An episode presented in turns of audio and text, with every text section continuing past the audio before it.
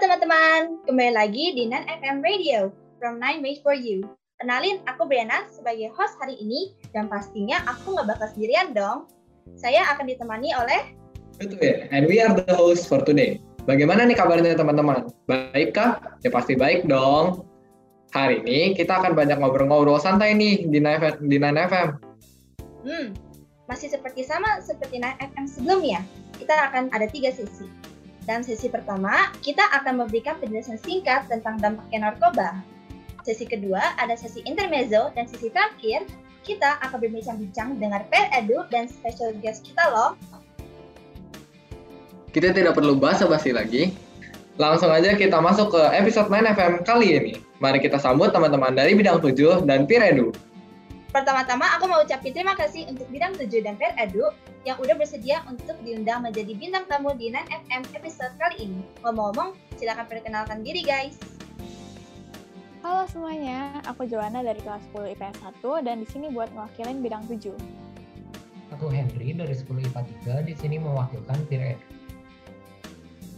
Kira-kira kalian hari ini mau bawain apa ya? Nah, jadi kita hari ini tuh mau ngebahas apa aja sih dampak narkoba terhadap kesehatan diri kita dan kenapa kita harus menghindari narkoba. Bener banget tuh Jo. Kalian pasti udah tahu kan kalau narkoba itu bahaya banget. Nah iya, narkoba itu emang bahaya banget. Apalagi sekarang banyak banget anak-anak muda atau remaja tuh yang jadi kecanduan gitu sama yang namanya narkoba. Iya, tapi tahu nggak alasan kenapa mereka kecanduan narkoba? Lebih karena kayak ngeracin orang gak sih?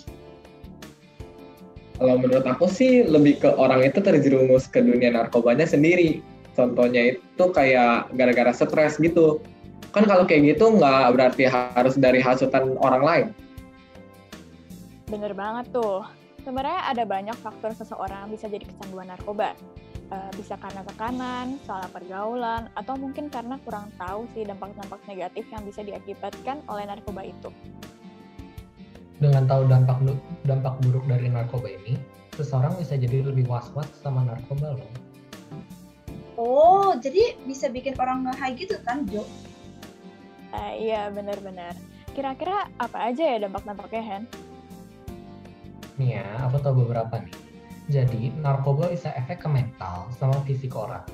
Buat mental, lebih ke adiksi ke narkoba ini sama bisa merusak nervous system juga. Kalau buat fisik, bisa ke sistem saraf dan lain-lain. Bisa juga ke organ tubuh seseorang. Katanya ya, orang yang menggunakan rokok, paru-parunya berubah warna jadi hitam loh. Waduh, waduh, serem juga ya. Dampaknya nggak main-main terhadap tubuh kita. Setahu aku juga sih, narkoba bisa berefek pada otak. Jadi kinerja otak kita terhambat gitu. pernafasan kita juga jadi lebih lambat, bahkan bisa berhenti. Ya, kita harus hindari nih sama narkoba ini.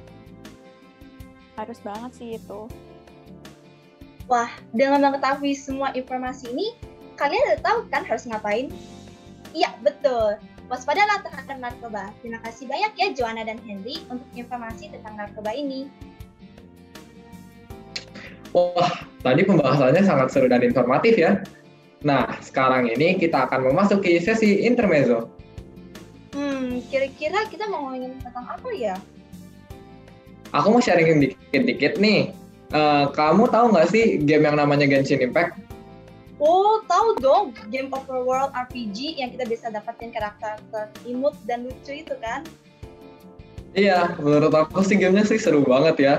Aku udah mainin dari lama. Weh, bagi kalian yang mau download juga bisa kok. Gamenya udah gratis, story yang menarik, karakternya banyak, grafiknya bagus, dan masih banyak lagi. Dari gamenya juga ada pesan moral yang dapat kita ambil loh. Oh ya? Emang apa aja? Perasaan pas aku main cuma nyelesain misi-misi doang. Haiya, jadi di dalam di dalam Genshin ini kan ada satu tim, ada empat karakter kan? Nah, dari setiap karakter itu ada skill yang berbeda-beda. Nah, kalau skillnya kita pakai berbareng-bareng untuk lawan musuhnya, akan jadi lebih cepat. Jadi intinya itu kita harus bisa bekerja sama. Oh, ternyata ada juga ya pesan moral yang dapat diambil meskipun dari game. Oh ya teman-teman, jika kalian ingin bercerita, dapat kalian kirim di Kubul 9FM di deskripsi bawah ini atau di link gdpd.xyz slash 9FM Smoke 3. Nanti cerita kalian akan dibicarakan secara anonim di episode berikutnya. Wah, udah habis nih sesi intermezzonya. Sekarang kita akan masuk ke sesi 2 nih, 9FM. Jadi, di sesi 2 ini kita akan ngobrol-ngobrol bersama Per Edu dan special guest kita. Oh iya nih, langsung aja kita sambut pembicara-pembicara kita dari Peer Edu.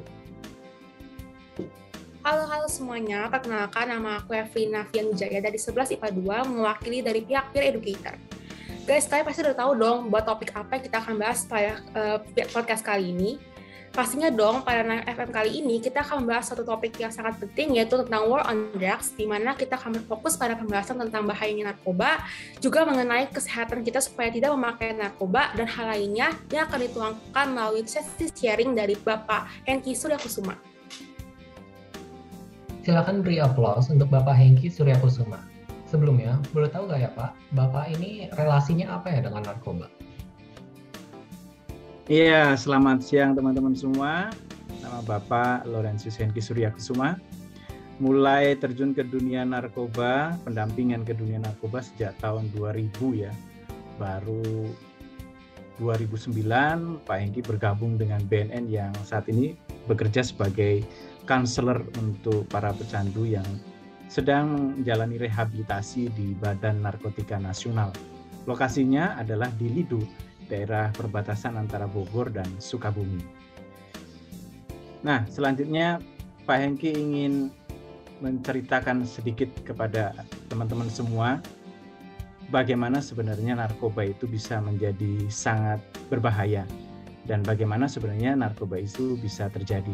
Jadi benar yang disampaikan oleh Henry dan Joanna sebelumnya bahwa ada banyak faktor yang menyebabkan uh, pecandu narkoba itu setiap tahun bertambah.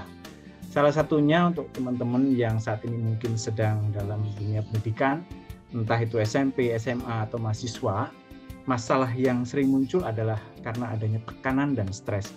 Entah itu tekanan atau stres di lingkungan rumah, ataupun karena tekanan dan stres karena tugas-tugas sekolah yang sangat berat.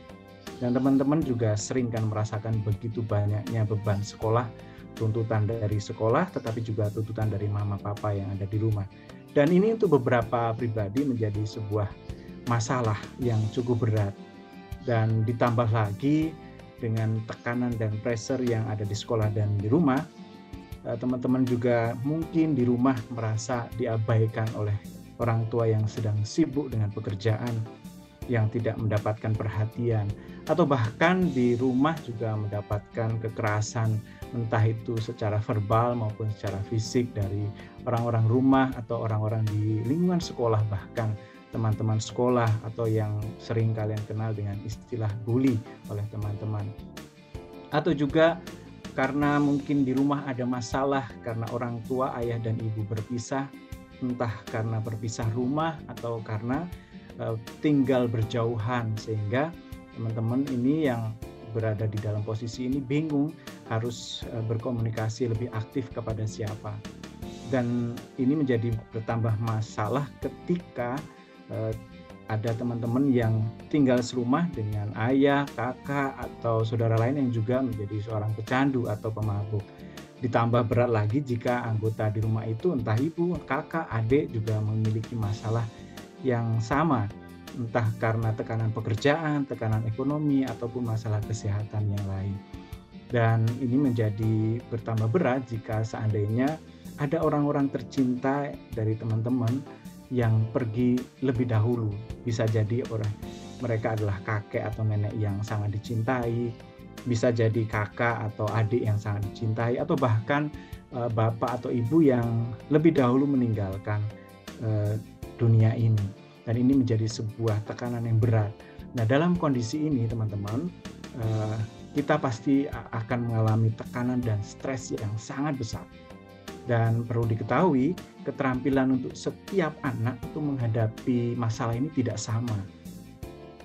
Dan dari pengalaman Pak Hengki, ini adalah hal yang sering kali muncul dan ditemukan dari pecandu-pecandu baru yang umumnya adalah anak-anak usia SMA atau SMP bahkan yang mulai mengenal narkoba-narkoba karena adanya tekanan, pressure, dan masalah yang ada di rumah. Nah, yang menjadi persoalan selanjutnya adalah ketika orang tua tidak menyadari bahwa anaknya bermasalah, anaknya mendapat pressure atau anaknya mendapat tekanan atau anaknya bahkan eh, ketika meminta pertolongan, meminta perhatian orang tuanya tidak tahu atau tidak menyadari entah karena kesibukan bekerja atau karena orang tuanya sendiri sedang menghadapi masalah yang cukup besar. Dan ini yang tanpa sadar membuat anak semakin uh, tenggelam dalam dunianya sendiri. Bahkan pada akhirnya banyak pecandu-pecandu yang masih cukup muda, anak-anak pelajar yang menganggap bahwa dirinya itu jelek, menganggap bahwa hidupnya itu tidak berarti dan memandang dirinya sebagai orang yang tidak berguna. Akhirnya ketika dia dalam situasi ini, maka uh, dia membutuhkan obat untuk dirinya sendiri agar dirinya merasa berguna, agar dirinya merasa bermanfaat. Ada banyak cara yang dilakukan, tetapi yang sering kali menjadi masalah adalah ketika ia menemukan obatnya pada narkoba. Dan ketika ia menemukan itu sebagai solusi untuk masalahnya, maka teman-teman juga tahu bahwa narkoba ini akan semakin bertambah buruk. Tidak ada cerita, tidak ada uh, drama yang lebih kejam dari narkoba karena narkoba itu tidak akan berhenti ketika uh, tubuh meminta. Jadi semakin banyak dia menggunakan narkoba, maka kerusakan di dalam tubuh, di dalam otak juga semakin bertambah banyak. Dan ini akan menjadi masalah karena kecenderungan orang yang menggunakan narkoba adalah untuk feel good dan feel better. Dia ingin merasa lebih baik ketika menghadapi masalah dan sebagai self medicate mereka ketika mereka menghadapi masalah. Tanpa sadar bahwa narkoba ini semakin jauh membawa mereka pada kehancuran. Karena semakin dalam menggunakan, maka masalah yang muncul akan semakin besar. Dan kita tahu juga adik-adik dan teman-teman semua tahu bahwa narkoba itu hanya akan membawa orang pada penjara, sakit, atau kematian. Lalu apa yang harus dilakukan untuk teman-teman ketika menghadapi situasi ini? Ketika menghadapi pressure, ketika menghadapi stres. Yang pertama harus dilakukan adalah keberanian untuk bercerita atau terbuka kepada orang lain. Entah itu pada keluarga, entah itu pada teman dekat, atau kepada pihak-pihak yang lain. Nah, ini menjadi sebuah uh, permasalahan karena tidak semua anak sekarang ini suka terbuka pada orang lain. Dan teman-teman yang bermasalah seperti ini harus sadar bahwa ketika menghadapi masalah mereka nggak sendirian. Ada orang-orang lain yang juga menghadapi persoalan dan, dan masalah yang sama. Maka yang harus dilakukan adalah berjuang untuk menciptakan citra diri yang positif. Jangan sampai teman-teman semua yang menghadapi masalah justru terjebak lebih dalam menganggap dirinya semakin jelek, semakin buruk dan negatif. Maka harus berani membuka diri pada orang tua, kepada guru, kepada teman, maupun profesional lain, terutama ketika menghadapi masalah. Artinya teman-teman, jangan malu untuk menyadari bahwa aku ada dalam masalah. Jangan malu untuk meminta tolong kepada orang lain. Karena dengan meminta tolong, maka kita akan selangkah lebih baik akan menyelesaikan masalah kita dengan lebih baik pula. Nah ini adalah tips yang Pak Enggi sampaikan kepada teman-teman semua. Jangan pernah malu untuk mengakui bahwa diri kita ada dalam masalah. Dan berani untuk terbuka pada teman-teman atau orang-orang terdekat kita. Itulah cara kita untuk bebas dari narkoba. Karena mereka akan selalu berusaha masuk di sudut-sudut lemah kita di saat-saat kita lemah, di saat kita jatuh, di saat kita merasa nggak punya teman, di saat kita merasa gagal dengan diri sendiri, di saat kita merasa ditinggalkan oleh keluarga. Itulah cara kita untuk menghindari dari uh, adiksi narkoba. Karena teman-teman harus sadar bahwa bandar-bandar itu sekarang mencari target-target baru dan target-target itu adalah anak-anak muda seperti teman-teman ini yang masih punya keberanian untuk mengambil resiko tinggi, yang masih mencari eh, jati dirinya, apakah aku ini orangnya A, B, C.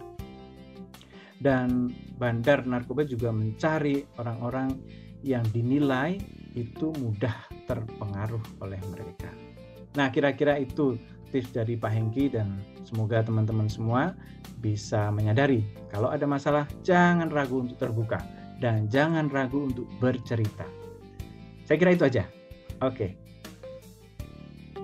Wah, keren banget sih apa yang sudah disampaikan Pak Hengki. Jadi dari apa yang sudah disampaikan Bapak sebelumnya, ada beberapa poin yang bisa saya simpulkan. Yang pertama itu, kalau misalnya remaja itu kena narkoba biasanya karena ada tekanan dari rumah ataupun sekolah rumah biasanya karena adanya masalah internal dalam keluarga ataupun masalah dengan orang tua, saudara dan sebagainya. Sedangkan kalau di sekolah ini biasanya karena nilai ataupun karena bullying dari teman dan sebagainya.